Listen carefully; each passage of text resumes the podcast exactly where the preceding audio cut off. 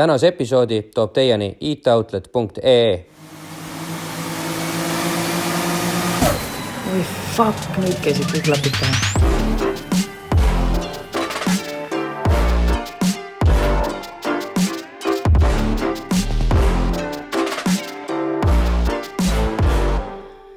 Tere tulemast taas kord äh, kuulama meie podcasti Klapid pähe ja oleme jälle jõudnud äh, meie mõnusasse podcast rent äh, stuudiosse.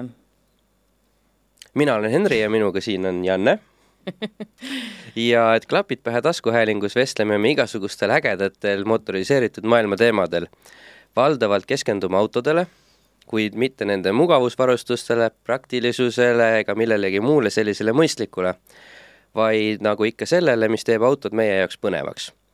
me armastame kiiret sõitu, närve kõditavaid olukordi, külglibisemist, vahel ka alajuhitavust. ja kiirest sõidust oskab meile täna kindlasti rääkida äh, Balti meister ringrajasõidus. ja, ja miks ta veel eriti huvitav mees on, sest et äh, ta on mees, kes on suutnud vanast laadast äh, välja pigistada uskumatut kiirust nagu üldse lada, what?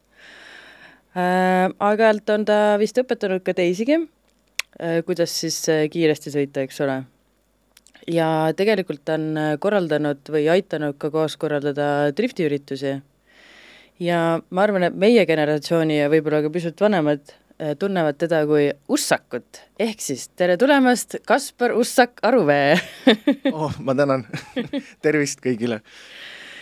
Kuule, kuidas sinu võidusõidu ajalugu üldse alguse on saanud, sest et noh, see tegelikult on äh, nii-öelda siis äh, bensiinipea maailmas sinu jaoks olnud ju, ongi nagu väga suur osa mm. või suur, suur etapp või kuidas seda nimetada? Uh, jaa, jaa. huvitav on alati kuulata, et kuidas saab ühest äh, meistrist nagu meister, et äh, siin on ju mingi teekond, see ei ole lihtsalt istud rooli kohe parandan korrektsuse huvides, et see mitte Balti meister, Eesti meister, aga siis Baltic Open klassis. Et väga segane, aga vaba klass põhimõtteliselt oli see, millal ma tulin Eesti meistriks, mitte siis Balti meistriks. aa, okei okay. Baltikumis olen teine olnud. vahet ei ole, meister sõnas on juba, tähendab nagunii palju, see, mis seal pudru ees või taga, see on, vahet ei ole ühesõnaga, esikoha kopsik on, vahet pole, mille eest, peaasi, et on. Tegelikult noh, algus, algus sai sellest, me ostsime selle auto. oligi niisama lihtne. tegelikult enne seda ma olin juba ka oota, ostsitegi lada? mm. -hmm. Igasugu rumalusi peab elus tegema ju. kas see oligi nagu lihtsalt, et oh, ma ei tea, teeks mingi for fun, ostaks lada ja siis ei, päris nii ei olnud tegelikult äh,, noh, ütleme see, see laada on nagu see, et millest nagu see, millest see, mis, millest, millest see ringkasõit nagu pihta hakkas, okei okay. päris. aa, okei, aga enne seda ma olin ka niimoodi näpuotsaga proovinud seda asja. aga see laada oli konkreetselt nii, et me käisime linnaringi vaatamas, mis on äh, Lasnamäe kanali peal, oli siis seal Smuulis yeah. oli see, oli see rada ja see oli viimane aasta, kui seal see võistlus toimus ja vot seesama, sama käkk oli siis ta nägigi täpselt niisugune välja äh,. ainult kirju ei olnud peal niisuguseid äh,. ühesõnaga, sellega üks soomlane oli tulnud Eesti võistlema mingit demovärki. Soomes on selline laadakapp oli, kus nad kõik sõitsid koos, esi-tagaveolised ja olid päris kuradi kiired. ja siis äh, siin ta pandi kokku siis ühe kuuestega, siis Super tuhat kuussada toona, ja noh, see Basi Mäensivu oli selle mehe nimi, kes selle autoga enne sõitis, noh, loputas lihtsalt läbi kõik tüübid. ja noh, ikka räigelt kiiruselt oli kiirem. noh, me vaatasime, et no mis, mis värk see nüüd on siis, ja olime läinud lihtsalt isa ja onuga vaatama võidusõitu ja meil oli toona, oli meil Estfield, see on siis see Tartu ise ehitatud auto nagu Lotus Super Seven ja mis mm -hmm. West, Westfieldi ja nagu selle siis mingi niisugune ekvivalent. ja, ja vot näed, seesama jah, ja see oli meil tehtud laadatehnika peale, ta oli selleks aastaks olnud meil mingisugune neli või viis aastat juba olemas. ja läksime siis vaatama, et mis, mis pull sellega tehtud on, et kuidas see niimoodi edasi käib, on ju. ja noh, vaatasime kõigepealt see, et noh, Samara mootor on üldse peale pandud, et tagaveolisel esiveduse mootor ja midagi seal nagu ringi ehitatud nipet-näpet ja siis äh, niimoodi jutu sees siis see, see sõitja ja siis nad isaga koos siis seda asja vedasid. ja ütles, et aga it's for sale. Ja noh, siis, siis me küsisime how much? Ja siis ta ütles four thousand euros. If you want spares, five hundred more. Siis me vaatasime üksteisele otsa lolli näoga, ütlesime okei. Okay,, käisime jalutasime ringi veitsa. Ja oota, oota, ma lähen nagu, vahetan raha väiksemaks või? jah, jäätise putkast. läksime ostsime tikke. Ja mm,, ja siis tegelikult oli see, et mul paps on autoinsener öö, oma hariduselt. Ja ta on öö, sellest vanusest, selles vanusegrupis, kus Estonia vormelitega väga usinalt sõideti ja tema nii-öelda kursavendi ja koolivendi on nagu selles ringkonnas hästi palju olnud.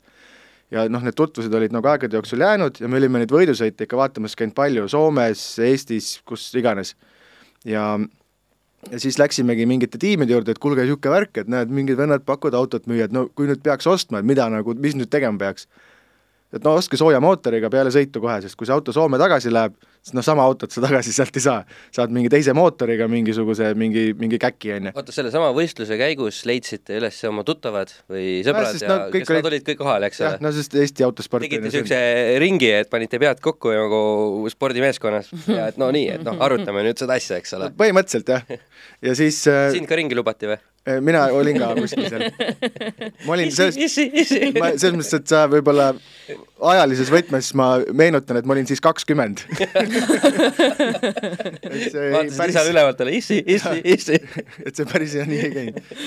aga siis jah, soovitus oli see, et kui te tahate, et siis ostke kindlasti kohe peale võistlust, et äh, siis ta nagu on töötavana, teate täpselt, mis te saate. ja noh, siis äh, vaatasime seal siis kolmekesi üksteisele otsa ja siis küsimus oli umbes see, et noh, tahad sõita või?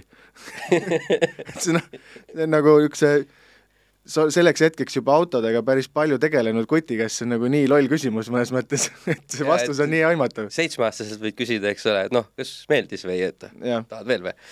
ja no loomulikult oli see, et davai ja noh, ühegi siis äh, pere naise osapoolega lu-, läbi rääkimata, siis see auto oli õhtuks soovi peal. igaks juhuks ei tasu läbi rääkida. jah, et noh, lihtsam on hiljem vabandust paluda, kui luba küsida Lähed Et- koos lillede ja autoga mm.. Aga noh, sealt sai siis see Laada projekt alguse, et see on äh, jah, see on no., on siis kolmteist aastat järjest sõitsime iga hooaeg nagu täishooaja kolmteist või? mm.. noh, veits, veits oli, et siin on jah, need konkurendid, Solberg ja noh, me ütlesime teda, tegelikult oli Selberg, noor kutt äh, tuli siis ka üle sinna äh, superi klassi noorteklassist ja siin on meil Karolis Toleba, leedukas on see, see Sa- CRX. sa oled praegu nagu Toomas Vabamäe, kes vaatab mingisugust auto Ja, ja, taganurka kuskil ja ja siis laob, teab kohe, kes on. laob mingi Leedu nime ette, et tegelikult, tegelikult niikuinii te ei tea, aga te pakute niimoodi puusalt, meie lollid lihtsalt usume kõike. vaata, seal klaasi peal on tegelikult kirjas. no selleks peab ikkagi natukene olema nagu Ja, fantaasiat, et see välja lugeda sealt. ei no mees, kellega on aastaid koos pusitud, et eks see jääb meelde see nii, aga okei okay,, lükati teid siis sinna kõikide autode klassi, eks ole, sellega. Eestis ju niisugust laadade kohta ei olnud ju. ei, me läksimegi seda superit sihtima, et mõtlesime, et kuhu me noh, okei okay,, kõigepealt on see, et okei okay,, ostame selle auto, noh nali naljaks on ju, ilgelt tore kiire otsus on ju, emotsioon, emotsiooni ost on ju. aga millal sa proovisid esimest korda seda, siis see oli sügisel või? ei, linnaringil sain kohe sõita, põhimõtteliselt kohe oligi etapp nagu natsa hiljem, siis. Aha. meil see auto jäigi mul Tallinnasse onu juurde, siis me kõpitsesime seda seal nii palju, et ta nagu tegime seal mingid istmed, asjad enda järgi. noh, see ehituskvaliteet on niisugune noh, niisugune soomlaste kvaliteet, et mõni juhe oli nii, et algas punasena, siis läks vahepeal siniseks, siis oli kollane, lõpus oli must, et koosnes mitmest osast ja nagu alguses oli oluline see, et, et lihtsalt, et kuidas ta töötab, mis need nüansid on, ja kui, oli ja noh kui, elektrik küsib, et oota, millist juhet ma peaksin praegu võtma, see kirev. jah, võta see, võta see Värviline. värviline juhe. et ähm, seal jah, mingisugust turvavarustuse asjadega tegelesime, kaal oli põhiline probleem, sest ta oli paarkümmend kilo kergem, kui Eesti reeglid äh, lubasid kui kerge niisugune auto on? äh,. oli, see oli kaheksasada viiskümmend kilo vist oli tühi uh., tühi auto, ilma sinuta jah? ilma minuta jah. aga siis, kui sa tahtsid haagise peale saada, siis neid kaldteid ei pannud, võtsid ninast kinni, tõstsid nad. kahekesi tõstsite peale. tõstsime, võtsime külje pealt kinni ja hopsti äh,. ja, ja siis ähm, sai ta ka kohe sõita, turvapuur oli ka peenem, et kui meil oli vist kas nelikümmend või nelikümmend kaks, et seal oli kolmkümmend kaheksa oli peakaare see läbimõõt. aga meile anti eriluba, et selle hooaja võite siis lõpuni sõita ja siis järgmisel hooajaks peab äh, noh, need asjad siis järgi tegema talve jooksul.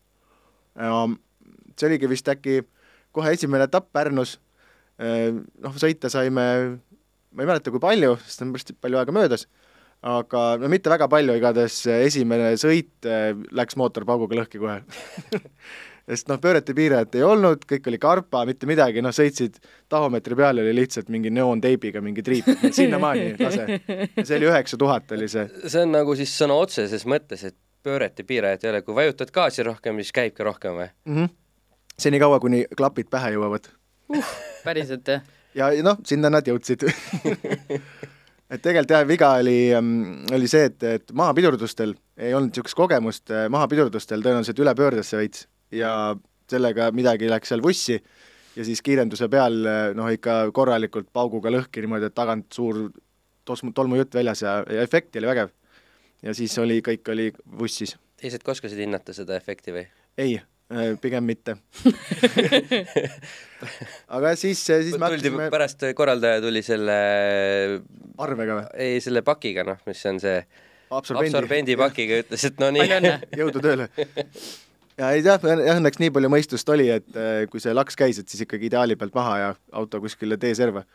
et ei läbustanud tervet ringi ära. aga jah, niimoodi see esimene etapp, esimene start oli kohe niisugune hästi niisugune meeldejääv. Ja no see on juba päris lõpueel. no jaa, aga viimane versioon, see on siis Evo, Evo kuus. mitu versiooni siis olnud on? no ma arvan, et ongi mingi neli või viis erinevat versiooni seda autot üldse kokku olnud. oota, aga siis oli ta veel nagu sellise kopikamootoriga või? ei, ta on kogu aeg olnud selle Samara mootoriga, et Aa. kui me ta soomlaste käest saime, tal oligi Samara mootor, ehk siis ta on siis äh, rihmaga variant. seda algset kettmootorit on ka mingit rihmaga versiooni toodetud, aga jah, seal oli õnneks oli see Samara, sellel on ju no mingisugune Porsche sugemed on sellel peal, et kas kuidagi nad on vist nõu küsinud või varastanud mingeid plaane nõukaajal või ma ei tea, mingit pidi on ma arvan, et see pigem pigem see teine tundub nagu sedamoodi.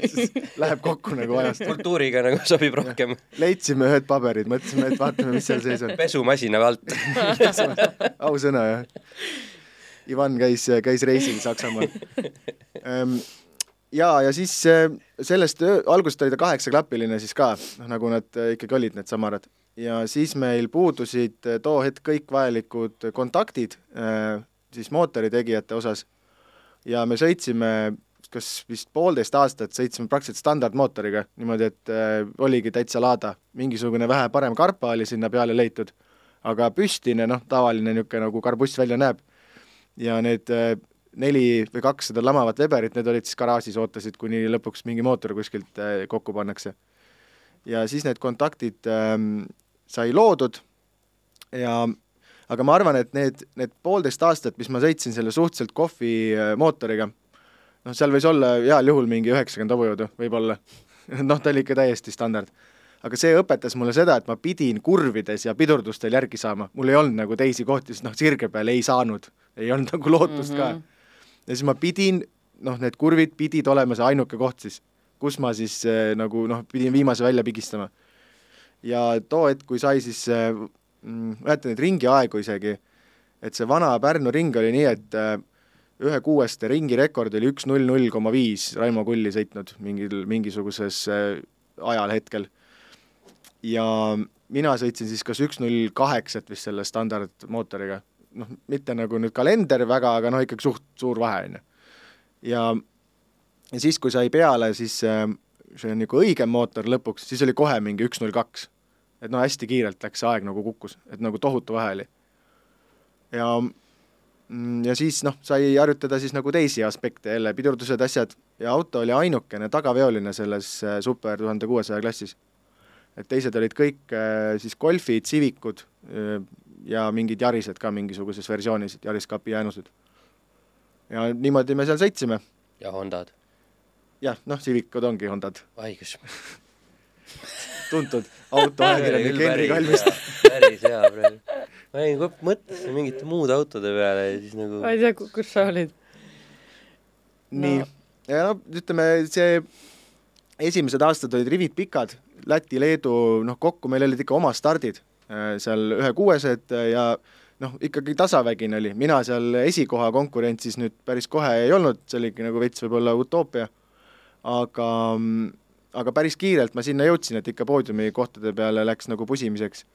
siis tuli siis sa selle, tegi kunagi selle peale ei mõelnud, et äh, noh, öeldakse küll, et margipõhine mootor oli vist enamasti, aga väga paljudes teistes sarjades ja klassides ju laadajad panid vaikselt niimoodi need Opeli mootorid peale, sest mingile niivale kunagi oli kuskil pandud mingisugune või see oli jaa, see oli mm, Lada mingisugune Priora või, või mingi selline sportmudel, sellel oli see kaheliitrine Opeli see mingi XC kakskümmend, mida kõik teavad, mingi põhi Opeli kaheliitrine mootor. ja, ja, ja just, et noh, et ei mõelnud midagi analoogset, et äkki sellise nagu tagaukse kaudu läbi pr- pressida nendest reeglitest ja siis äh, Äh, seal on kubatuuri teema, on kaheliitrine on see, meil oli see ühe kuuene piir ees, et me aa, et seal sai ainult seda mootorit konkreetselt võtta, mis oli nagu reaalselt sellele automargile Jaa. pandud või? et kas kõik, no ühesõnaga kõik mootorid, mis nagu tehases on mingi Lada märgiga auto külge kunagi jõudnud, ma võin kasutada. Aga noh, vastavalt oma reeglite sobivusele, et seal äh, see kitsendus ikkagi oli, mitte nii, et aa, üks Opeli mootor oli, siis järelikult kõik Opeli mootorid sobivad et päris nii hästi ei läinud.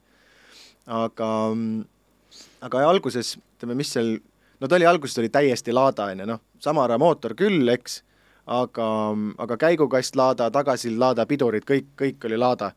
Ja üks pehmemast seebist kui teine, jah? no põhimõtteliselt küll jah, kas äh, varuosi saite siis seal Kadaka autoturul käidud ostmas või? mitte päris nii. Ei, Laadadel oli mingi pood ka, kus sai siinsamas, oh, siinsamas lähedal see ringtee, mis on nüüd üle raudtee siit, kui minna, ja, ja, ja siis seal oli Lada pood ja noh, seal oli nii, et seal võtsid nagu kärud või mingi noh, niisuguse käru või korvitäie asju, siis must panid kaalu peale, jätsid mõned eurod ka või kroonid toona ja siis oligi jälle hunnik asju. et ilgelt odav oli muidugi ehitada, aga noh, kõik oli ikkagi noh, täis saast ka. ja selles mõttes, et noh, et pärast seda viisid vana rauda lihtsalt, et äh, no ma ei tea, kas see raud üldse Said natukene vähem raha. et need vist rauaks päris ei kvalifitseerunud need jäid nagu- tooted või ülejäänud tükid jäid rajale lihtsalt, eks ole, aurustasid. aga jah, tegelikult eh, nõrgad kohad olid eh, noh, tagasild, välimised, mingid simmerid, kogu aeg lekkisid, pidurid olid kogu aeg eh, difriõliga koos, noh pidurdamisest seal väga nagu juttu ei ole siis seal pidurid olid hästi määritud. jah, määritud piduriõli oli väga hea, aga vales kohas. ja, ja käigukastis ka noh, mingid sünkrad ei pidanud nagu ühte sõitu ka vastu. no sa tead, et võidusõidukastil ei ole sünkrosid.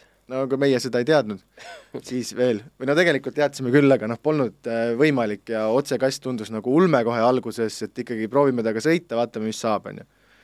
ja noh, sai see, et et siis äh, saime aru, et see on ikka täielik jama, et sellega ei ole mõtet tegeleda. no näed, siin on kohe ilus pilt. Siin on juba, juba hunnik aastaid edasi, meil juba Britsega ühe kaheksaklapiline mootor, ma sisselaskekolle järgi saan aru väikeste mootoritega on see asi, see hea, hea asi, et võtad äh, isa appi ja siis tõstad ära lihtsalt, eks ole, mm..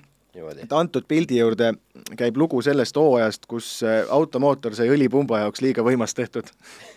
õlipump ei pidanud võimsust vastu ja läks kogu aeg puruks. sest no laksu oli lihtsalt liiga palju. ja, ja siin on nüüd üks võistlus, näed vaata taga, näed, mis auto paistab või? uks. on üks, üks BMW tüüpi sõiduauto on see jaa, üks kalm, kalmist oli seal roolis. ja üks, üks Henri nimeline kalmist. ja, ja sellega jah, me võtsime siis äh,, läksime sõitma, vabatrennis äh,, plauh jälle õlipump pilbasteks, noh, selge pilt. Õnneks ma olin juba selleks hetkeks vist kas need viis või kuus tükki juba puruks äh, teinud sõidu ajal ja mul oli nagu silm oli häälestatud õli tule peale. et nii kui see nagu põlema läks, siis oli sidur alla, süüde välja, mootor seisma. silmad niimoodi nagu selles Grown Up filmis, Grown Ups filmis see tüüp seal oli, ja üks vaatas kogu aeg õlituld, teine vaatas tee peale.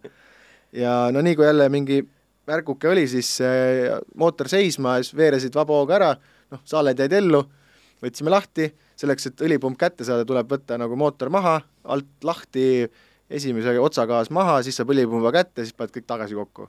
ja me tegime ära selle kas nelja tunniga vist jah, kokku. oli siis mootor maha, lahti, kokku, tagasi peale, auto sõitma uuesti starti. ja selles selles konfiguratsioonis sai sõidetud välja siis sõidu ringirekord äh, vanal Audru ringrajal, ennem kui ta siis rekiti. ja sest äh, kulli see üldaeg, see oli tal sõidetud sõidu sees välja, aga kvallis ei olnud keegi nii kiiresti sõitnud ja siis ma sain kvalli rekordi sain enda nimele. ja sõidu sees sai natukene seda parandada, aga ikka jäi veits puudu, sest mu eesmärk oli sõita alla minuti ringiaeg, mida nagu ühe kuuesega polnud mitte keegi teinud.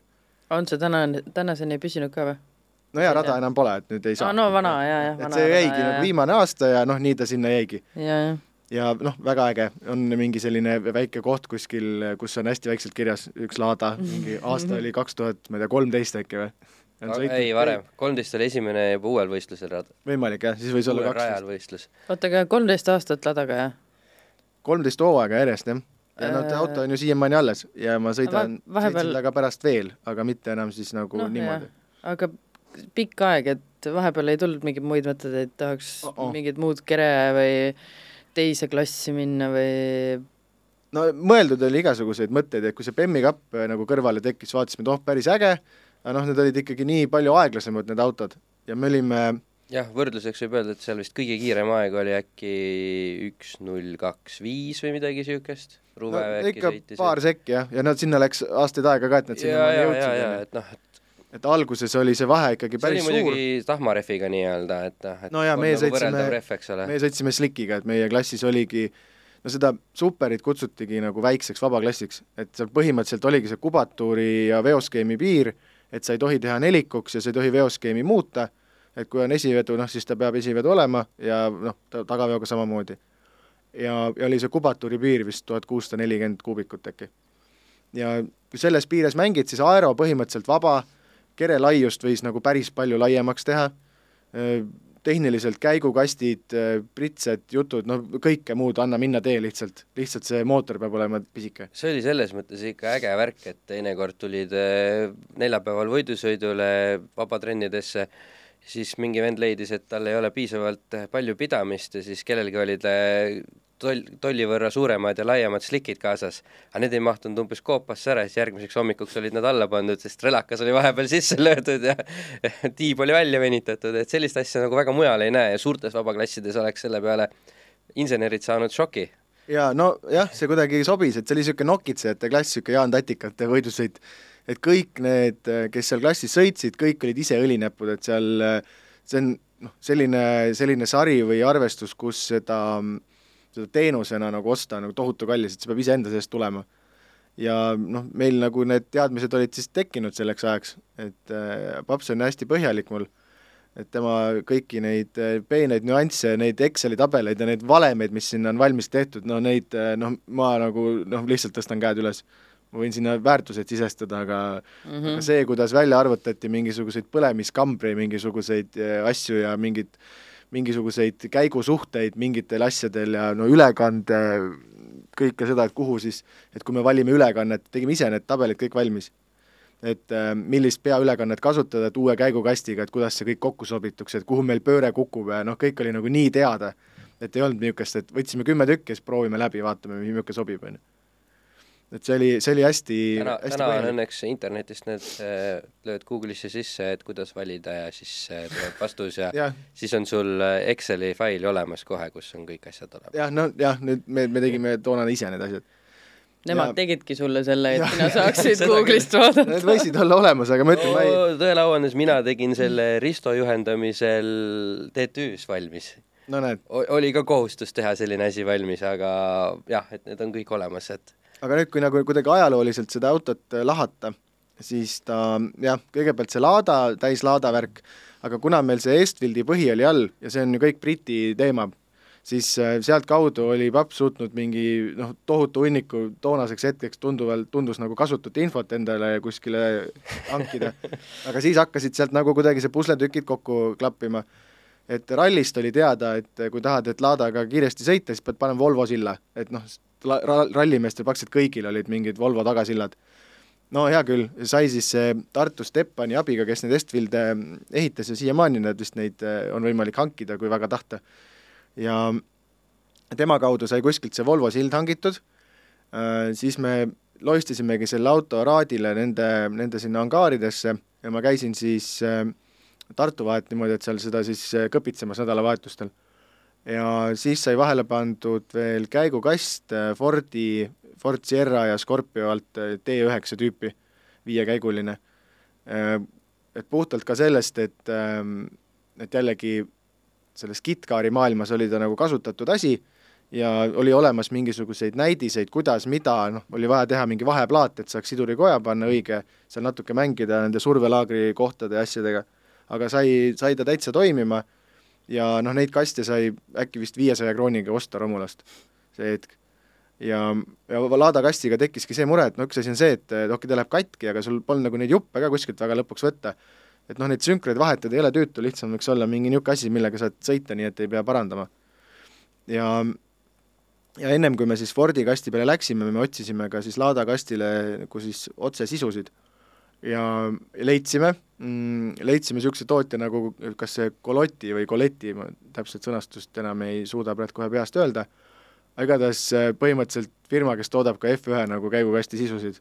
ja neil oli uh, as a surprise you, we have in stock one Lada gearbox uh, gear set keegi ei olnud seda tahtnud enam, noh, ajad olid edasi läinud või no ja me, me keegi hull oli tellinud selle sealt jätnud maksmata lõpuosa, jah? ei no nad olid mingi partii teinud, mingi osa maha müünud, mingi oli veel jäänud.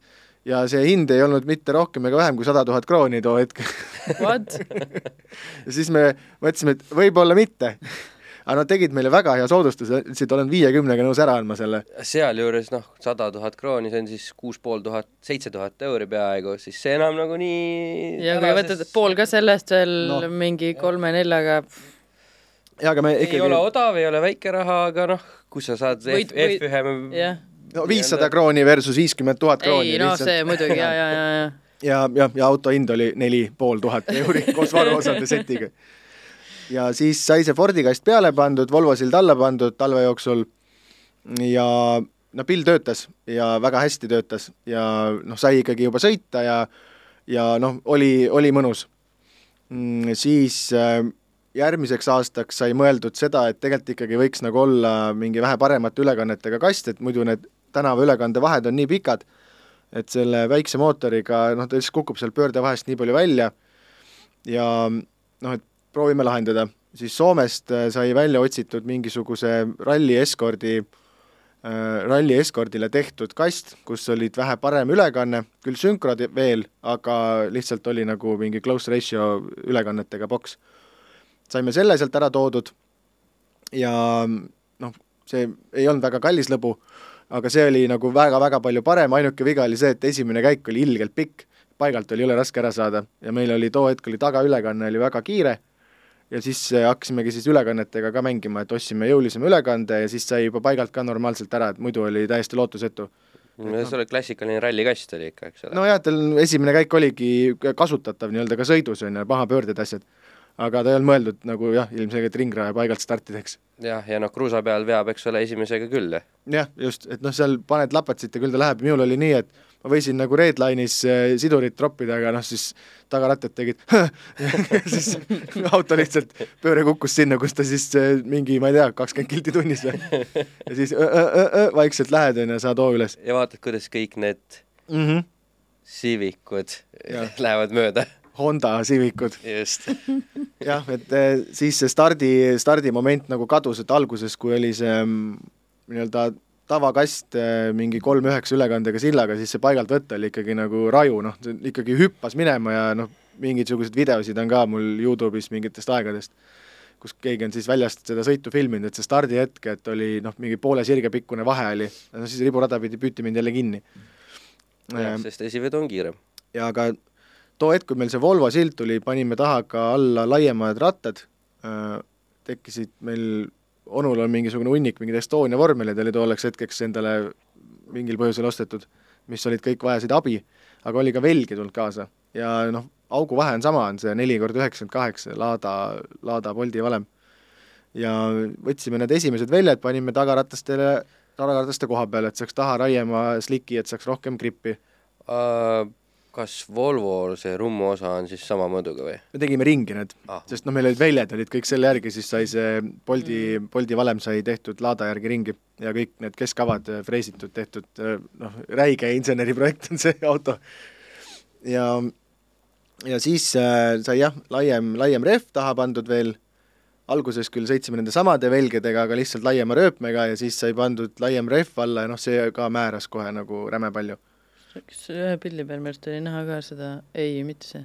see on nüüd päris viimane versioon. see vasakult teine üleval, kas seal ei olnud lai rehv või? ei, siin siin on nüüd laiem tehtud, siin on see, mm, need on niiva, mingisugused tiivalaiendid, mis sa näed, keskelt on tehtud niimoodi kitsamaks. et seal on niisugune liitekoht üleval peal täpselt mm, -hmm. need olid muidu liiga laiad ja siis lõikasime sealt jupi välja, neet, alumiinium, noh, mingi väga käepärased vahendid täpselt see, millest me ennem rääkisime võidki öösel ära teha, kui ikka grippi vähe on, siis noh, teeme auto ümber. no jah, päris nüüd nii need muudatusi tehtud, et neid sai ikkagi kodugaraažis seal kõpitsetud vaikselt suve jooksul ja, ja talve jooksul siis kuskil pindadel, kus oli võimalik seda autot siis viia, et äh, sest endal meil nagu suurt garaaži ei olnud ja talvel oli seal ikka kuradi külm. ja niimoodi ta vaikselt edenes ja kuni siis äh, äkki kaks tuhat kümme aasta või, siis sai äh,, sai, Pritse oli juba aasta aega enne vist peal et mingil hetkel me nendest karpadest loobusime, sest nende häälestamine oli nagu jõle tüütu ja pidevalt olid mingid lollid, mingid väiksed asjad, mille tõttu noh, hakkas kuskil plärisema keset sõitu, no ei, ei, ei tööta enam korrektselt, midagi tuli lahti, mingi asi ei sobinud. või vihma hakkas sadama. nojah, mingi häda ühesõnaga ja noh, ta tundlik oli ja no ühesõnaga nöök, et äh, võiks ikkagi nagu pritse peale vaadata. siis sai Genvi mingisugune pritse hangitud, äh, TTA juhtaju, tolleks hetkeks oli see noh, see võidusõit juba aastaid kestnud meie jaoks ja need, need inimesed, kes sellega tegelesid, olid nagu igal pool ümber kogu aeg. ja siis Viljandis oli see Särg, Albert Särg, tema häälestas Viljandi meeste autosid, kes siis sõitsid meiega koos seal, Toomas Sirg, Raul Karu ja Tõnis Hommik mm,. Nende, nemad sõitsid ka paljud nende samade ajude ja asjadega noh, siin on mingisugune vabaklassi start. Äh, räägi, räägi, jätka, jätka, ma lihtsalt vahepeal vahetan natukene pilti, et kirevam oleks meil taust. kus on äh, pullid kaadrid, vaata, mis auto seal taga paistab, eks Ford Escort Mark kaks ähm,. aga jah, ühesõnaga nende, nende kaudu siis tekkis ka seda, seda kontakti, kes teeb, kes käib kohal, et noh, mõistlik on võtta see tootja, see toode, kelle käest on ka nõu küsida, kui vaja on. ja siis sai see pritse peale ehitatud ja peale seda järgmine aasta saigi tehtud siis see trikk, et äh, lisaks pritsele tuli siis Guaife äh, viiekäiguline järjestik lülitusega otsekast ja siis tellisime Compomotive'ist needsamad väljad, mis siin pildi pealgi on, need valged. Need on kõik kaheksa tolli laiad, kolmteist läbimõõduga ja ET null et on täitsa niisugune square setup, kõik on täpselt võrdse laiusega. see on üldse nüüd suht lõpupool või noh, selles mõttes, et äh, välimuse järgi ma vaatan, et siin on juba tiivad, vaata, on nagu juba, ei ole need nagu niisugused need äh, jah, seal äh, platsi peal tehtud, et siin on juba viisakad ja aga näe, Henri, ma tahtsin öelda, et siin on Hondad ja Civicud siin on jah, nii mitmeski konfiguratsioonis Hondasid ja Civicuid. aitäh, aitäh jaa, et ähm, siis ta nagu see lõpukonfiguratsioon oligi siis see, et äh, ta oli kaheksaklapine, järjestikud, kõik jutud äh,, noh, seesama Volvo sild ikka töötas, mingi hetk sai amordid ringi vahetatud, Nitroni regulitavad amordid, Lotus Elisee omad, need mõõdu poolest olid kõige sobivama pikkusega, et esimesed amordikannud tegime ainult ringi. tagumised äh, olid juba ringi tehtud sommil, aga pikkuse poolest amort sobis ja saime, saime kasutusele võtta kohe suhteliselt väikse vaevaga ja nii, nii ta siis läkski, näed, see ongi seesama aasta, kus kõik asjad said korraga ära vahetatud. Ja siis Balt-, see oli siis Riias esimene etapp aasta alguses, kus Andres Hall on seal teisel kohal ja kolmas on et näo järgi ma seda kutti küll praegult ei suuda öelda, kes see on, see oli mingi välismaalane uskumatu, ei suudagi. ja, ja, ja too hetk oli nii, et esimene start ma kahekümne sekkise eduga võitsin selle ära. Ja see oli nagu hämmastav, auto oli Riias kolm pool sekki ringi peale kiirem siis nendest laiematest ratastest, sellest käigukastist, see kombinatsioon, see oli no täiesti sõge, kuidas see auto liikuma hakkas siis. ja mõni aasta hiljem sai sinna siis kas kuueteistklapine mootor tehtud, et kuna neid Neid oli Venemaal juba hakatud võidusõidus oh, oh äge, äge pilt, et no see on jah vaba millega klass. kõrvuti sõita, on ju. ja no siin on nüüd siis vabaklassi minu otsene konkurent number üksteist Lotus Elisee ja siis äh, Tõnu Soomer number seitsekümmend neli, need olid minuga siis äh, minu konkurendid vaba, vaba arvestuses kellele sa siis aasta kokkuvõttes no, tegid või? jah, et mingi aasta Eesti meistrikatel tulin meistriks tänu sellele, et mina sõitsin kõik etapid kaasa ja lõpetasin mm. -hmm. et teised sõitsid valikuliselt. aga noh, vähe sellest, ütleme seal see sõidu sees, see pusimine käis tegelikult, no see on hea pilt stardihetk siis uuel rajal et äh, mina olen siin hetkel hoidmas kolmandat positsiooni ja no järgmine pilt ongi, eelmine pilt oligi siis äh, noh, nõks hiljem kohe siis esimeses kurvis. selles esimeses pikk, suures kurvis on jah, tagasipöördel mm. -hmm.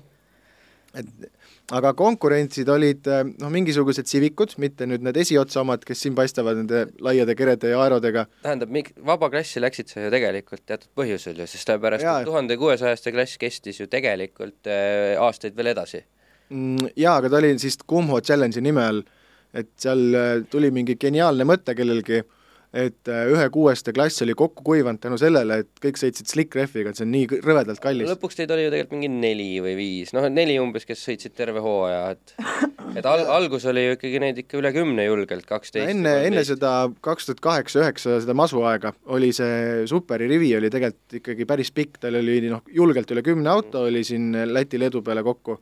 No samas sellele loogikale oli nagu ka selles mõttes raske vastu vaielda, et äh, vaata, kuidas BMW klass äh, oma tahmarehviga tegelikult ju võlus ja, ja tõi ju mitmed nii-öelda kes olid varem olnud a la tuhande kuuesajaste mehaanikud, tõid mõned nendest, eks ole, rajale või mõnegi sellisest seltskonnast nii-öelda inimesi. Jaa. et seal see, noh, see väide oligi see, et, et miks, miks nagu eestlasi nii vähe on, on sellepärast, et rehv on nii kallis, et nii, kui tuleks mingisugune monorehv, mis on odav osta ja kõigile võrdne, et siis on noh, umbes, ei, umbes te peate raja pikemaks ehitama, et noh, see on nagu rõve, mis kuuri alt kõik välja aetakse, tehnika. kuurjad vist väga jaetud, aga mingi hetk lõpuks oli neid mingi ikkagi mingi kaksteist tükki vist koos. no tegelikult ei olnud ja lätlastel ju see asi toimis ju pikalt veel. äh, ei, see ei olnud üldse Mingil nii roosiline, sest noh, meie point oli nagu see, et, et selleks oleks tolleks hetkeks meil olid noh, pritsed, pidurid olid kõik ringi tehtud, mingi Willwoodi neljakolviga sadulad, noh, mingi ulme, ulmearendus on tehtud ära. ja tehtud seal sillad ringi, esimesed ka õõtsad proovitud siit-sealt parandada, roolilatt roolikarbi asemel, no, no megaarendus. ja kõik oli tehtud nagu kiiruse eesmärgil. ja siis sa mingi hetk siis ütled, okei okay,, esiteks meil oli ka kolmteist tolli ratas, mille järgi oli kogu auto ehitatud, et nüüd meil ei lähe siis ülekanded enam ei sobi, kui me viisteist tolli ratta peame panema, sest noh, seda Kumu rehvi ei saanud kolmeteist ja kõik on siis ühe mõõduga, et ei ole nii, et üks on kolmteist, üks neliteist, keegi viisteist, on ju. et kõigil on seesama, sama Ei. mõõt on ju täpselt identne. sellega muidugi võib nõus olla küll, et teie auto oli lihtsalt selle jaoks vale, et jah, ta ei sobinud et see selleks. nagu rehvi, monorehvi otsus nii-öelda niisugustel hobiklassil või noh, hobi, eks ole, Mm, noh, seda ei ole ju tippsportlane, eks ole, et et äh, selles vaates ei ole nagu tingimata paha, kui autod on vähegi sarnased. jaa, et noh, tal nagu ütleme, jume oli olemas, aga see väide oli seal taga nagu see, et, et sellepärast äh, nagu ilgelt vähe autosid rajal. No mitte ühte uut nägu ei tulnud juurde tänu sellele, et see rehv sai vabaks. pooled Lihtsalt- vist võtsid neid niikuinii teiste Porsche meeste ja niisuguste nagu nendest äh, Jaa, utiilivirnast. utiilivirnast, et no minu eelis oli see, et ma sain vormelimeeste utiilivirnast võtta. et äh, need vormeli, noh, see, see velg ja see kõik saigi võetud, et oleks nii-öelda selle, ma ei tea, F3 vist on vist see, millega meil sõideti, mingid Talarad ja mis meil siin olid, Reinardid, soomlastega koos. ja seal see esirehv täpselt sobis mulle, et mõõdu poolest see velg saigi selle järgi võetud, sest neid rehve sai ka uueni, uuena osta, Dunlopeid äh, Saksa auto kaudu. ja, ja need, kui käisid Eestis siis mingid sarjad sõitmas, siin mingi Ankugi ja Micheliniga mingid väiksed vormelid, siis neid sai sealt äh, hiljem rehvivahetuse utiilivirnast valida, sest Väga nende, nende jaoks oli kümme ringi sõidetud, oli nagu prügi, mina sõitsin, mina sõitsin terve järgmise etapi selle rehviga veel. kaval tegelikult ju, no vedas jah, selles mõttes oli nagu nutikas otsus. loogika ilmselt selle taga on see, et vormel lihtsalt ei saa uuesti soojaks seda rehvi, eks ole, aga sinu rask, nii-öelda raske auto, mis kaalub kaks korda rohkem kui see vormel, sai selle hetkega soojaks uuesti. seal oli ka no ikkagi noh, mingil hetkel need vormelisarjad, mis siin käisid, seal oli venelaste mingisugune meistrisari, no seal olid SMP panga rahad olid suured taga, seal vennad, poisid sõitsid, üks eh, oligarhi mm. poeg teise järel, on ju. Et seal ei olnud mingit probleemi see, et, et kas me paneme kvalliks tutika rehvi alla, see on nagu küsimus et see lihtsalt see oli standard. äkki vahetaks keset kvalli ka igaks juhuks korra, on ju? ja, ja no iga sõit oli ikka tuda läks alla ja pärast oli prügi, on ju, või siis mõned jätsid endale nagu trenni rehviks mi- midagi alles, mingisugust eh, vana mingit lebra. või siis kardipoistele, need, kes tuleb, kes suunatakse seda autot proovima, on ju, et ja, ja, ja et, et noh, mingi, mingi kogus oli neil nagu noh, endal ka neid kasutatud asju, mille, mida nad siis, ma ei tea, milleks kasutasid, eks. Aga noh, suur jagu nendest jäi üle, sest sai, noh, nad ei teinud midagi nendega lõpuks. ja meile oli see muidugi väga hea võit, sest noh, minul oli kogu aeg oli ilge hunnik rehve oli ja mul ei olnud nagu puudust. aga viieteisttollistega läks see asi raskeks, hind läks eh, kõrgemaks ja kaheliitrised läksid seitsmeteistkuse ratta peale, siis ei jäänud sealt ka enam midagi üle, et noh, polnudki võtta, ma mõistan seda mure nagu täielikult. aga minu jaoks see oli nagu hästi ebasobiv otsus ja siis mu valik oligi minna vabaklassi üle. Et kui ma tahan jätkata Mhm. selle autoga sõitmist, noh konkurentsist ma langen nagu kohe välja, mul ei ole noh, Soomeri ja siis selle, kurat, mul ei tule selle, see oli vist Kriška oli see minu arust leedukas, kes selle teise kollase käkiga sõitis. sest tegelikult on see Opel, aga ta kutsus seda Lotuseks, tegelikult see oli see Opeli Speedster. aa, see on sama asi ju tegelikult. tegelikult on sama asi, aga ta on jah, selle Opeli mm. Nii-öelda tulede ja asjadega alt on ta ja Lotus oli see. ja ja no nendega mingit konkurentsi ei olnud. Too start ongi nii, et meil oli, kvall oli vihmas ja vihmas millegipärast Pärnus kõik äh, järsku kaotasid sõiduvõime ja mina olin äh, teiselt kohalt startisin Tõnu Soomeri kõrvalt mis oli päris pull. ja taga, noh, kõik see rivi oli siis selja taga, sest sõit oli järgmine päev, oli kuiv. Soomer, vana rallikrossi mees, teadis küll, mida peab vihmas mm -hmm. tegema, eks ole ja no ei no tal ka ikkagi auto oli noh, mäekõrguselt teistest üle, et see M3 GTR, see noh, minu absoluutselt üks lemmikautosid üldse maailmas. No vaata, kui äge ta välja näeb. see E46 kere sobib selle laienduse kõigega, see oli noh, vinge. ja need äh, V8 hääled seal, noh, see oli raju. jah, ja siis äh, nii ta siis lõppes, need on nüüd päris, päris viimased sõidud, kusjuures, siin need pildid.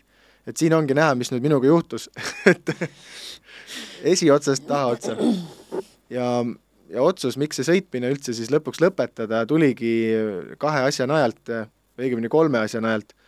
Esiteks oli see, et mul oli sündinud teine laps äh, äh, perre ja mm, ja ma nägin, et ma ei jõua lihtsalt igale poole äh, teiseks põhjuseks oli see, et mitu hooaega kestnud mootoril oli üks klappidest siis lõpuks natukene hakanud sulama ja no oli aru saada, et on vaja lahti võtta. ja siis, kui me selle lahti võtsime, siis paps ütles, et noh, äkki aitab ja siis, siis no see oligi umbes niimoodi mingi viie minutiga see otsus langetati, aa davai, siis ärme rohkem tee. et las ta praegult jääb. Ja, ja viimane põhjus oli see, et nagu sa näed neid teisi autosid, siin on mingi esimese seeria BM-e tekkinud, siis E üheksakümmend, mingisugune M3 mm -hmm., noh, veel siin, mis autod siin silma paistavad, eks. et on nagu uuemad autod no ja päris tehase Clio või see Megan, Megan Trophy ja neid oli isegi mingi hetk kaks tükki, siis seal on mingi Ginetta peaks seal taga olema ja siis äh, Camaro kapi auto ja nii edasi. et need ümberringi, need autod läksid nii suureks ja minu auto oli minimaalse turvanõudega. et no minul oligi turvapuur oli vastu. no ja ei tantsutoru mitte midagi, puur oli minimaalne. tähendab kõigile kuulajatele, kes ei tea, võib-olla see tantsutoru on see, mis tuleb nii-öelda uks, kui sa teed ukse lahti, siis tuleb üks toru nagu otse alla põhimõtteliselt. diagonaalis on jah, katuse juurest ukse alla nurka, on ju. just, just, et ta mitte ei jookse mööda ääri ja ta ei ole mitte all mm. nagu X, vaid ta tuleb siis külje pealt. no kui ma oleks selle sinna pannud, ma poleks sinna autosse sisse saanud enam, et see ukseauk oli nii ja, tilluke. poeg oleks saanud sinna. poiss oleks saanud sõita, jah. aga noh, see, et oli ta imik, et veel vara, veel vara. ja, ja siis äh, no oligi, turvapuur on vastu, põhimõtteliselt vastu istet, seal on kohe mingi noh, see siksi uks, mingi õhukene plekk mm. -hmm. ma mõtlesin, et kui nüüd peaks midagi juhtuma, et näiteks mingisugune päris kokkupõrge, no siis no ma tõenäoliselt suren ära seal autos sees ja ma ei tahtnud seda. Ja niisugune vaba, vabatrennis endurance'i seda stinti harjutav tüüp, kes tuleb saja kahekümne liitrise kütusekogusega, eks ole. nojah, mida iganes. M3-ga. et seal noh, kuna need autode vahed, nad ei olnud enam nii üldse võrdsed, et ma olin nagu see nagu midget-klassi auto või siis see vähendatud koopia yeah. nende teiste autode kõrval. Legendsitega kokku. ja et alguses jah, kui see vabaklass eh, nagu kolisin, siis olidki niisugused noh, mingid E kolmkümmend kuued, mingid mõned Civicud, noh see oli nagu fine, et ta nagu sobis kokku. aga noh, mida edasi siis noh, ja ka kiiruselised vahed läksid nii suureks, et selle laada efekt kadus ära, et mina sõitsin sama kiiresti või nats kiiremini kui eelmine aasta, aga noh, teiste autod olid juba noh, ikkagi päris autod ja noh, seal see efekt kadus teine ära. teine käis dünos ja võttis äh, ühe korraliku dünomisega sinu mootori õu, eks ole, lisaks. no põhimõtteliselt jah. et lõpu eel see, see kahe, kuueteistklapine mootor, sellest me saime kätte viimases konfiguratsioonis, oli rattas, oli sada nelikümmend kilovatti ja sada kaheksakümmend väänet. rattas, jah. see teeb siis mootorist umbes kakssada nelikümmend hobujõudu? ei, päris nii palju ei ole. et äh, see arvutuslik oli seal mingi kahesaja kümne juurde umbes okay. ja väänet umbes sama palju. ja noh, ta oli äge, selles mõttes kõik nagu toimis ja sai ka nii-öelda mingi käigukangi nupp, kus oli siis lüliti sees, et äh, flat shift'id ja kõik niisugused asjad, et noh, gaasi, gaas läks põhja stardis ja noh, pidurduse peal võtsid natuke maha, aga kiirendusel oligi lapats põhjas ja lihtsalt ladusid käike peale, ei mingit sidurit, midagi, et äh, noh, sõita oli taga ikkagi ülivinge ja null võimendust mitte ühelgi asjal, et ei rooli, piduri, mingeid võime, mitte midagi, kõik oli analoog. et hästi, hästi niisugune vahetu kogemus. aga tegite korda vahepeal? ei ole teinud korda, ta ootab oma aega, ma ei tea, millal see aeg tuleb, aga ükskord ta ikka tuleb. Et äh, mingi vahe oli mõte, et äh, konserveerida ta ära, teha ta niisugune enam-vähem viisakaks, et tal kerenatsa tahab äh, abi saada, et need viimaste aastate need mingid jäljed on ikka veitsa peal ja siis oli mõte, et äkki Momusse saata ta pensionile. ma tahtsin just küsida, et kas mingi muuseum ei oleks nagu huvitatud, et no Momu on huvitatud ikka, et ta on ju suhteliselt selline silmapaistev osa sellest meie selle, lähiajaloost. sellel ajastul ju muid selliseid ei olnud. ei olnud, et ta oli ainuke reliikvia, sõitis ja vähe sellest, et ta sõitis, ta oli ka kiire auto, jaa. see oli, see efekt oli äge. et siin on siis mingisugune, see peaks olema open track äh, Riias. mõnusalt kapott irvitab tuul, tuul. tuulega ja hoog on nii suur, et tõstab kapoti üles ja auto on täiesti plekist ka, et mitte ühtegi plastdetaili ei ole, ei kapotti, tiibasid, no ainult laiendid ja stange mm, mm. -hmm. aga kõik on plekk, uksed, asjad, kõik asjad. isegi see taga NASCARi stiil. See on tehtud äh, klaasviibrist, see oli sommidest jäänud, ma arvan, et neil oli mingi USA autode armastus on vaata, siit lööb välja kuidagi, et mingi Cadillaci tiiba on imiteeritud. see on tagasi tulnud kõik. ja no nüüd see Ducktaili ja Ducktaili värk, eks ole, see või NASCAri stiilis isegi see lihtsalt nagu püstine plaat. issand, siin pildil tundub ta kuidagi eriti äh, piklik ja kõrge. Ta ongi ei no ma ei tea, päriselus ikka nii hull ei tundu. jah, jah. aga päris elus on ta selline, et sa võtad ta peopesa peale lihtsalt. jaa, tillukene väike auto. aga jah, tal jah, ühesõnaga siis said, said igasugused siuksed aga mõistlikud otsused langetatud. vahepeal aastatega pole isu tagasi tulnud sõita uuesti või? no ära räägi, see pole kuhugi kadunud kunagi olnud. ma arvan, me veel jõuame oma juttudega sinnamaani, sellepärast et tegelikult alustasime me ju üldse Estfieldist rääkimisega. no tegelikult te enne ju- Estfieldi on veel midagi. Nonii, mis meil veel on? enne on hobikardid, ahah, et ähm, see oli, ütleme minu, ma olin käinud kogu aeg, ma olen, ma olen sündinud mitte nüüd päris roolpeos, aga no lähes. et ma mäletan seda, kui me äh, vanemad tegelesid äh, põhitöö kõrvalt porgandikasvatusega, sest äh, noh, nõukaaeg on ju, läksime põllulapi peale, siis kui maantee pealt maha pöörati, siis poiss läks isale sülle ja siis sai rooli keerata juba, siis mingi hetk ulatasid jalad juba ka pedaalini, siis sai pidurit vajutada ise või gaasi natukene ja, ja no mida vanemaks ma sain, siis mu ellu tekkisid ähm, deltad, minimopeedid äh,, kardid äh,, mingisuguse Minski mootoriga saja kahekümne viiesed äh, oma koduhoovi äh,, elasin ma siis äh,, üles olen kasvanud Pärnus, see Riia poolses linna otsas ja eramajade rajoonis. ja siis ma seal tänavate vahel sõitsin nende kartidega. noh, tänapäeval ma ei kujutaks elu sees ette sellist asja, sul, kujutad No ette et sul laps ju- läheb äh, kardiga sinna, no mingi nolk on ju. jah, me pidime ju Sebastianile sama pakkuma ju. jah. no ma ütlen, Sauel kuskil seal, noh davai, on normaalne ju, davai õhtul näeme, tule elusalt koju onju. on normaalne ju. Et no ma olin oli muidugi, mootorratas niimoodi, millel polnud pidureid, tulesid ega mitte midagi, seisma tahtsid jääda, vajutasid jalgpiduri põhja ja panid vasaku jala maha. ma arvan, vanused on vist erinevad. ei no ma ütlen lihtsalt täna, et kujutad sa nagu tänapäevases eh, ajas seda ette, kus sõiduautosid on nii palju rohkem, et ma, ma räägin ajast mingi üheksakümmend kolm, Mhm. neli onju. okei, okei. okei okay,, siis on, see on ikka veitsa hiljem, see oli pigem mingi seitse-kaheksa, see üheksakümmend kolm, neli ma läksin tunnis esimesse üks auto liigub võib-olla, kui sedagi. jaa, et noh, ei olnud ja minul need ümberkaudsed teed olid ka, paljud olid kruusakad veel ja, jah. ja no inimesi oli vähe, autosid oli vähe, noh inimesi oli tegelikult sama palju autodel vist vähem et majad olid ikka majad. inimesed olid sel ajal tööl, mitte kodukontoris. no ei tea, kuidagi see nagu toimis niimoodi, et, et see ei olnud nagu väga nagu ohtlik. Ja no endal oli ka ikkagi kogu aeg kahe kõrvaga vahel see, et, et noh, ristmikust ikka ei sõida pimesi üle, et noh, ikkagi täitsa hoogu maha. et mingid kohad, kus olid äh, nagu lagedad alad, sealt loomulikult läksid hooga, nägid, et kedagi ei tule. ja meil oli siis mere ääres, kuna siis noh, Pärnu asub mere ääres teadupärast, ja sealt äh, minu kodust siis nagu veepiirini on võib-olla mingi, ma ei tea, pool kilti võib-olla, midagi sellist. ja seal oli siis metsa vahel oli tehtud selline kas mingist paekivikillust või ühesõnaga mingist killustikust niisugune jalutustee või niisugune kergliiklustee. ja seda me siis ka seal naabripoistega usinalt kasutasime erinevate motoriseeritud vahenditega sõitmiseks. aa, et teistel olid samasugused asjad? ja no kellel olid seal veel mingid deltad ja värgid on ju, sai seal midagi väänatud, mingi hetk oli mul vist, ma ei tea, kas kaks või kolm neid karte kokku, et keegi sõbrad, kes muidu elasid maal, olid need kardid, need olid siis minu juurde hoovi need lohistanud, siis me käisime koos seal pläristamas nendega.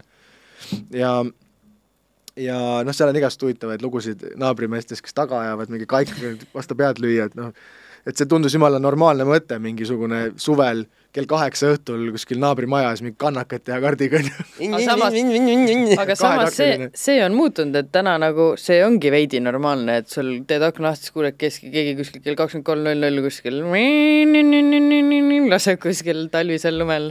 nojah, aga ütleme võib-olla mitte nagu elu, elumajade rajoonis onju. no ei, käiakse täpselt samamoodi erakatel no,, vaata sinu, sinu kandis ei saa, seal on neid äh, lamavaid nii palju, aga minu juures ei väiksemates saa, külades on täitsa normaalne, kus nad käivad äh, Need rollerikutid on nüüd vaata, nolgid. Ah,. kui ma, kui ma eile, kui ma eile selle V8 koju tõin ja maja ees kannaka tegin kaaspõhjas, eks ole, siis äh, naabrinaine just rookis endale auto pealt lund ja siis küsis, et noh, naudid ilma ja mõtlesin, et no ikka jah väga tore. mõtlesin, oota, ega sul ometi laps ei maga praegu? enam ei maga nüüd mitte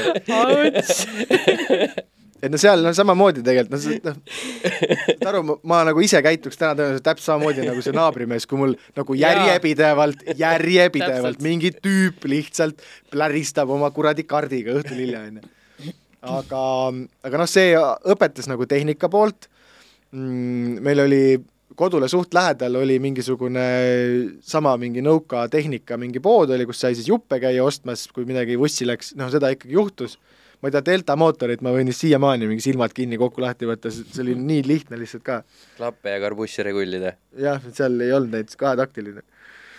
ja, ja no äärmiselt, äärmiselt lihtne oli see, aga see andis nagu niisuguse nagu tõuke ja no siis me noh, ka kuskil perega käies ikkagi oli võimalik mingi hobikaardiga aeg-ajalt kuskil sõita, proovida ja mingil põhjusel ma olin kogu aeg olin kiire. et noh, ma ei tea, kust see tuli ja noh, kuskilt see tuli. ja, ja siis ühel hetkel oli papsilt ööalaselt oli mingi kardivõistlus orgunnitud Õismäel FK keskuses. ja siis äh, sinna sai võtta nagu lihtsalt noh, ka kes tahab, on ju, saab sõita mingi, maksid mingit raha, said seal osaleda selles pundis ja noh, seal oli koos siis äh, äh, siis mingi Eesti mingi õliliidu mingisugune whatever, sest no isa on mul Nestes töötanud äh, praktiliselt terve oma elu ja seal peale oli porgandikasvatust. jah, peale porgandikasvatust loogiline jätk. Äh, ja, ja siis äh, no seal olid koos mingid a la Shell ja ma ei tea, mis asjad, Lukoil ja no igast firmade esindajad, oligi niisugune ühine mingi üritus, niisugune võistlussari või võistlus nagu ühepäevane ja mingi event. ja noh, mina panin selle kinni õlimeeste liit. jaa, ja siis oligi see, et individuaalne esikoht mingisugune nolk äh, kuskilt, keegi ei tea, on ju, mingi ühe selle Aruvee poeg sealt, on ju, tuli siin, tegi midagi. ja siis äh, noh, ma ei tea, mis, mis asi see ajend oli, aga, aga kuskilt hakkas nagu midagi nagu tekkima minu ellust, mina, ma ei mäleta seda. Äh, see oli, see oli üheksakümmend kaheksa aasta oli see, kui see hobikaardi võistlus oli, see kariks on mul siiamaani üks olulisemaid, see on esimene.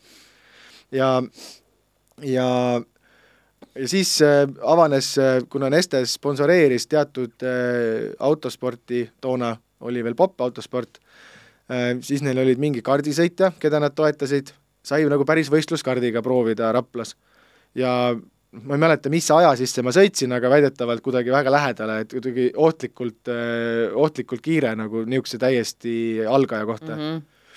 ja, ja siis äh, avanes äh, lisaks veel pärast seda võimalust sõita siis vormeliga, see oli F3, Urmas Uusneem, ja ka Neste teda toetas, et siis oli ka jälle mingi kliendipäev, et sponsorid said seal sõita, no see küll ei olnud mingi aja peale sõit, aga noh, ka mingisugused äh, liigutused ja asjad ja kõik nagu tundus nagu nii loogiline ja lihtne. ja siis me mõtlesime isegi vormeliga sõitmise peale ja kardispordiga alustamisest jäi mul puudu, vist too hetk oli see summa äkki kümme tuhat krooni et meil oli juba praktiliselt pakett koos, aga noh, nõks oli puudu. ja noh, diil oli see, et, et noh, et me püsime nagu selles eelarves, et me ei, et kui meil jääb puudu, et me ei võta laenu ise mm -hmm. eraisikuna, et noh, et, et umbes, et laps saaks sõita kardiga, siis tundus nagu nii jabur. ja noh, siis ta põhimõtteliselt jäigi sõitmata, see kart ja siis meil tekkis see Estlink. siis oli nagu vormel oli nagu nagu mõistlik mõte, et no mõtlesime, et äkki proovida, aga noh, siis ka kuidagi see noh, seal ikkagi oli jälle mingi mõni auto korraga kohal ja no ikkagi veits liiga ulme ka kõik see, et no ühe etapi kaupa sõita, endale vormelit nagu ostma ei hakka, on ju. ja, ja siis äh,, siis sai see Estfield ehitatud äh,, Teppan äh, mingil Motorexil seda esitles, onu käis mul seal ja siis teatas, et kuule, ma käisin, vaatasin seal, eestlased hakkasid ka seda noh, nii-öelda KitKari tegema, et tellisin kaks tükki ära. isa ütles selle peale ok no ja siis me hakkasime käima kuuluga ikka vaidled? hakkasime jah, sa ikka vaidled. ja siis me hakkasime Tallinna vahet käima ja Teppan ütles, et tal plaan oli siis tehagi mingisuguse Laada sari, et kus nad ongi kõik nii-öelda Laada tehnikaga ja hästi võrdne, odav, säästu, noh, kuna need autod ei kaalunud suurt midagi, ta vist mingi viissada kilo oli selle Lada tehnikaga, et niisugused ilusad. ja, ja et, et teeme niisuguse sarja, et saab sõita niisugune klubi tasemel, tasemel võidusõit, et niisugune mõnus fun, tuled, sõidad ise kohale, sõidad pärast koju ära, noh, mis ükski kord ei õnnestunud, sest Lada tehnika samamoodi sulas seal all ära, et käigukastid ja sillad ja noh, see oli ikka õudne. ja aga noh, tulemus oli see, et, et mina, see meie auto oli kas registris äkki mingisugune neljas või viies Estfield üldse. ja onu sai natsa hiljem valmis ja kõik teised ehitasid äh, Volksu BEM-i mingi muud tehnikaga nii et Nad õppisid, no kuidas öeldakse, tark õpib teiste vigadest, eks ole. et äh, ei teinud keegi neid Lada tehnika peale, siis me olime, oli küll need klubivõistlused, noh, täpselt sama olukord, mis selle Sixiga, kui mul standardmootoriga aasta oli. sirge peal panid kõik pljauhti eest ära mm. -hmm. kurvides pidi järgi jõudma. õnnestus sealt ka mingisuguseid asju ikkagi, mingeid kopsikuid endale koju lohistada ja noh, see andis nagu selles mõttes viimase tõuke, et näha oli, et kiirust ja oskusi nagu kuskilt mingil põhjusel on ja noh, siis, siis avanes see Lada ostmise võimalus et niisugune äge, äge pill sai tehtud. Need pildid on- ja need- noh, muidugi, et seal oligi ja vaata, juhi iste on kõvasti laiem kui kõrvalistuja iste räägi nüüd, kuidas sa tänaval sellisega sõidad? äh,. ebamugavalt, Nende suusaprillidega, nagu Randol oli nüüd äh, hiljuti see alguses suvel sõitsin täitsa niisama, lihtsalt suvel, ei no talvel muidugi sõitsid ka sellega, eks. et äh, see väike esiklaas siis aitas nii palju, et see Jõhkralt. tuul otse Päriselt või? nagu Jõhkralt. silma ei tule, et muidu on ju see, et kui sa lähed tsikliga sõidad näiteks ja paned lahtise kiivri või teed kas või isegi lahti endal, see ei tundu klaasi lihtsalt silmad on kohe vett täis. see lihtsalt ei tundu väga niisugune klaas, mis äh, sinu pikkusele võib-olla nagu noh, see on tuult ta liigse ülikõva efekt oli sellel klaasil, kui me noh, võidusõidud olid, siis pidi need klaasid ära võtma ja siis nad keerasid sealt kremoonidest lahti, tõstsid selle sealt vahelt välja. et ei jääks nagu klaasi näkku. siis sõitsidki prillidega, on ju? ja siis on nüüd kiiver peas ilmselgelt mm. aga tänava peal müts ja noh, nokats tagurpidi pähe, muidu lendas peast ära ja päikseprillid ees, jumala okei okay oli, ei olnud mingeid probla. aga maantee peal ma sõitsin alati kiivriga, kui ma kuskil, kuskile kaugemale üritasin sellega minna aga täna mm,. täna seda autot nendega ei on? ole enam, ei ole jah kus? ta on siis? see mingi aeg oli ta müügis auto kahekümne neljas, temast on helesinist värvi auto saanud kollaste triipudega, ah soo, et äh, ja tehnika on ka ära vahetatud, Mm. et see oli ilmselt mõistlik otsus, eks ole. jaa, no meil noh, siin on, need ongi need pildid pärast seda, kui ta vahtraleht, joo. vaataleht ja see võis muidugi hea vaatepilt olla, kes sõidavad mis autodega Vahtra lehega, eks ole. jah, tavaliselt. mul ei olnud siis isegi veel esmased, vaid piiratud õig- õigusega load, et mul pidi istuma ema või isa kõrval. siis sai valmis siis, kui ma olin äh, emaga 15. kruiisimine võib küll pull olla sellega. jaa, ma olin viieteistaastane, kui see valmis sai, see auto. ja siis esimene aasta ma ei saanud üldse sõita. ei, me hakkasime, jaa, ma sain kevadel kuusteist, see oligi jah täpselt nii, vot niipidi oli just. Et nii kui ta valmis sai, ma olingi sügisel või talvel läinud autokooli, nii et kevadel mul olid load käes ja viisteist pool olin, kui me hakkasime seda ehitama, siis talvega sai ta valmis tehtud. ja need peaksidki olema suht esimesed pildid sellest autost üldse, kui ta meil Pärnu koju on Aa, toodud. vana hoovel, sillutis, kõik, issand jumal. kui sa sõitma äh, sellega nagu rajal käisid, siis sa veel ei olnud täisealine? Äh, ei olnud jah, aga siis olid nagu, vahet polnud jah. siis olid teistmoodi need, ei no mul olid ikkagi mingid load olid äh, vahel, et ma, all, et ma ei olnud nagu täiesti nagu okay. mingi ja põmm-põmm. nii-öelda klubi võidusõidus vist ei pruugita alati ka selliseid Aa, asju nõuda, et äh, mingi okei okay.. ta oli kinnine üritus jah, et selles mõttes ei olnud äh, tänaval ilmselgelt, ma kohal ise ei saanud sõita. ilmselt tänagi, kui sa EAL-is registreerid näiteks nii-öelda treeningpäevana ajavõtuga Mm. mm., siis saab vist suht igaüks nagu ilma igasuguse kontrollita minna. Tõenäoliselt, ilma litsentsita, ma mõtlen nii-öelda. aga noh, mul olid, selles mõttes load olid olemas. ja, ja noh, selle normi olin täitnud. aga sellega lihtsalt suutsid, üksi ei võinud tänaval sõita. sellega suutsid sa endale mingi seljavigastuse ka tekitada. jaa, siiamaani on väga mõnus. äh, oota, mis asja, mis, mis ma olen, ma arvan, et see on sellest äh, traumast tingitud, kui me ükskord Rinkal tegime midagi selle autoga ja siis läksime proovima, sest Pärnus äh, rada oli ju noh, lahti kogu aeg, et seal olid mingisugused betoonkamakad olid ees, et sa ei saanud suurt ringi sõita, aga väikest ringi sai kogu aeg. ja noh, tolleks hetkeks olid juba ka Rinka haldaja vist äkki oli Erki Sport sellel ajal juba või oli seal keegi teine veel, ma seda nüüd täpselt ei mäleta enam, aga nende käest sai luba küsitud, helistad, kuule, tahaks minna proovima, jah, minge, fine, okei okay.. läksid, ütlesid, noh, kui midagi seal vussi keerad, et siis lükkad kruusa ikkagi ise harjaga tee pealt ära ja õli, noh, siis paned ise absorbendi peale või liiva või saepuru, on ju. et, et enda järelt koristad ära. aga, aga noh, kuna me läksime lihtsalt midagi katsetama, ma ei mäleta, mis asi see oli, aga ei pannud nagu rihmi täis korralikult kinni, jäid natukene lahti ja noh, hoog ei olnud ka mingi üliraju, vaid lihtsalt läksimegi midagi katsetama. aga murdus ära üks esimene õõtsoob, mis oli nende autode alguses häda. Nad olid liiga õhukese seinaga torust tehtud. ja, ja läks ta katki, auto kaotas juhitavuse ja kuidagi külg ees üle äärekivi niimoodi, et ma nagu noh, rappusin seal istmes ikkagi nagu rõvedalt. ja peale seda oli selg päris valus ja noh, siin mingi aeg hiljem noh, see ei läinudki nagu ära ja siis, kui ei osanud sellega õigel hetkel tegeleda, siis nüüd on mingisugune väike mingi häda on seal, et kasvueas on kuidagi midagi viltu läinud. et see jah, tegi, jättis eluaegse jälje minule mm. -hmm. otseselt mu elu ei sega, aga kuskile enda silma, noh, nähtavasse kohta endale Estfieldi nüüd tätoveerima. põhimõtteliselt küll, jah. selja peale. jess. ja see auto on ka läbi elanud mingisuguseid kõvasid muutuseid, lõpuks siis tänu laadale äh, sai sellest autost ka siis äh, Volvo silla ja Fordi käigukastiga samara mootoriga auto, mis siis täitsa lõpueel niisuguses äh, konfiguratsioonis oli. olen ma temaga Eestile sõitnud tiiru ikkagi päris peale, äh, mingi aeg ma käisin koolis selle autoga, sest ma sain täisealiseks, kui ma olin veel keskas, ja siis ma läksin, kui ilus ilm oli, siis hommikul läksid sellega üle, ülekooli kutt olid siis ilmselt, on ju? no ei tea, et see ei olnud minu taotlus kunagi, mul oli nagu, minul oli endal oli mõnus, mul oli ükskõik, milline see välja paistab või mida keegi teine arvab et mul, mulle endale meeldis. auto? jah, ja mul oli auto, mul et oli enda isiklik auto ka juba sel hetkel. oleks olnud mingi muu auto, siis oleks mingi muu autoga käinud, eks ole. see Honda või Civic või? ei, mul oli Ford oli siis, mul oli Escort RS Turbo oli jaa, see oli, sellest sai aiakaunistus üsna kiirelt ehk siis ise...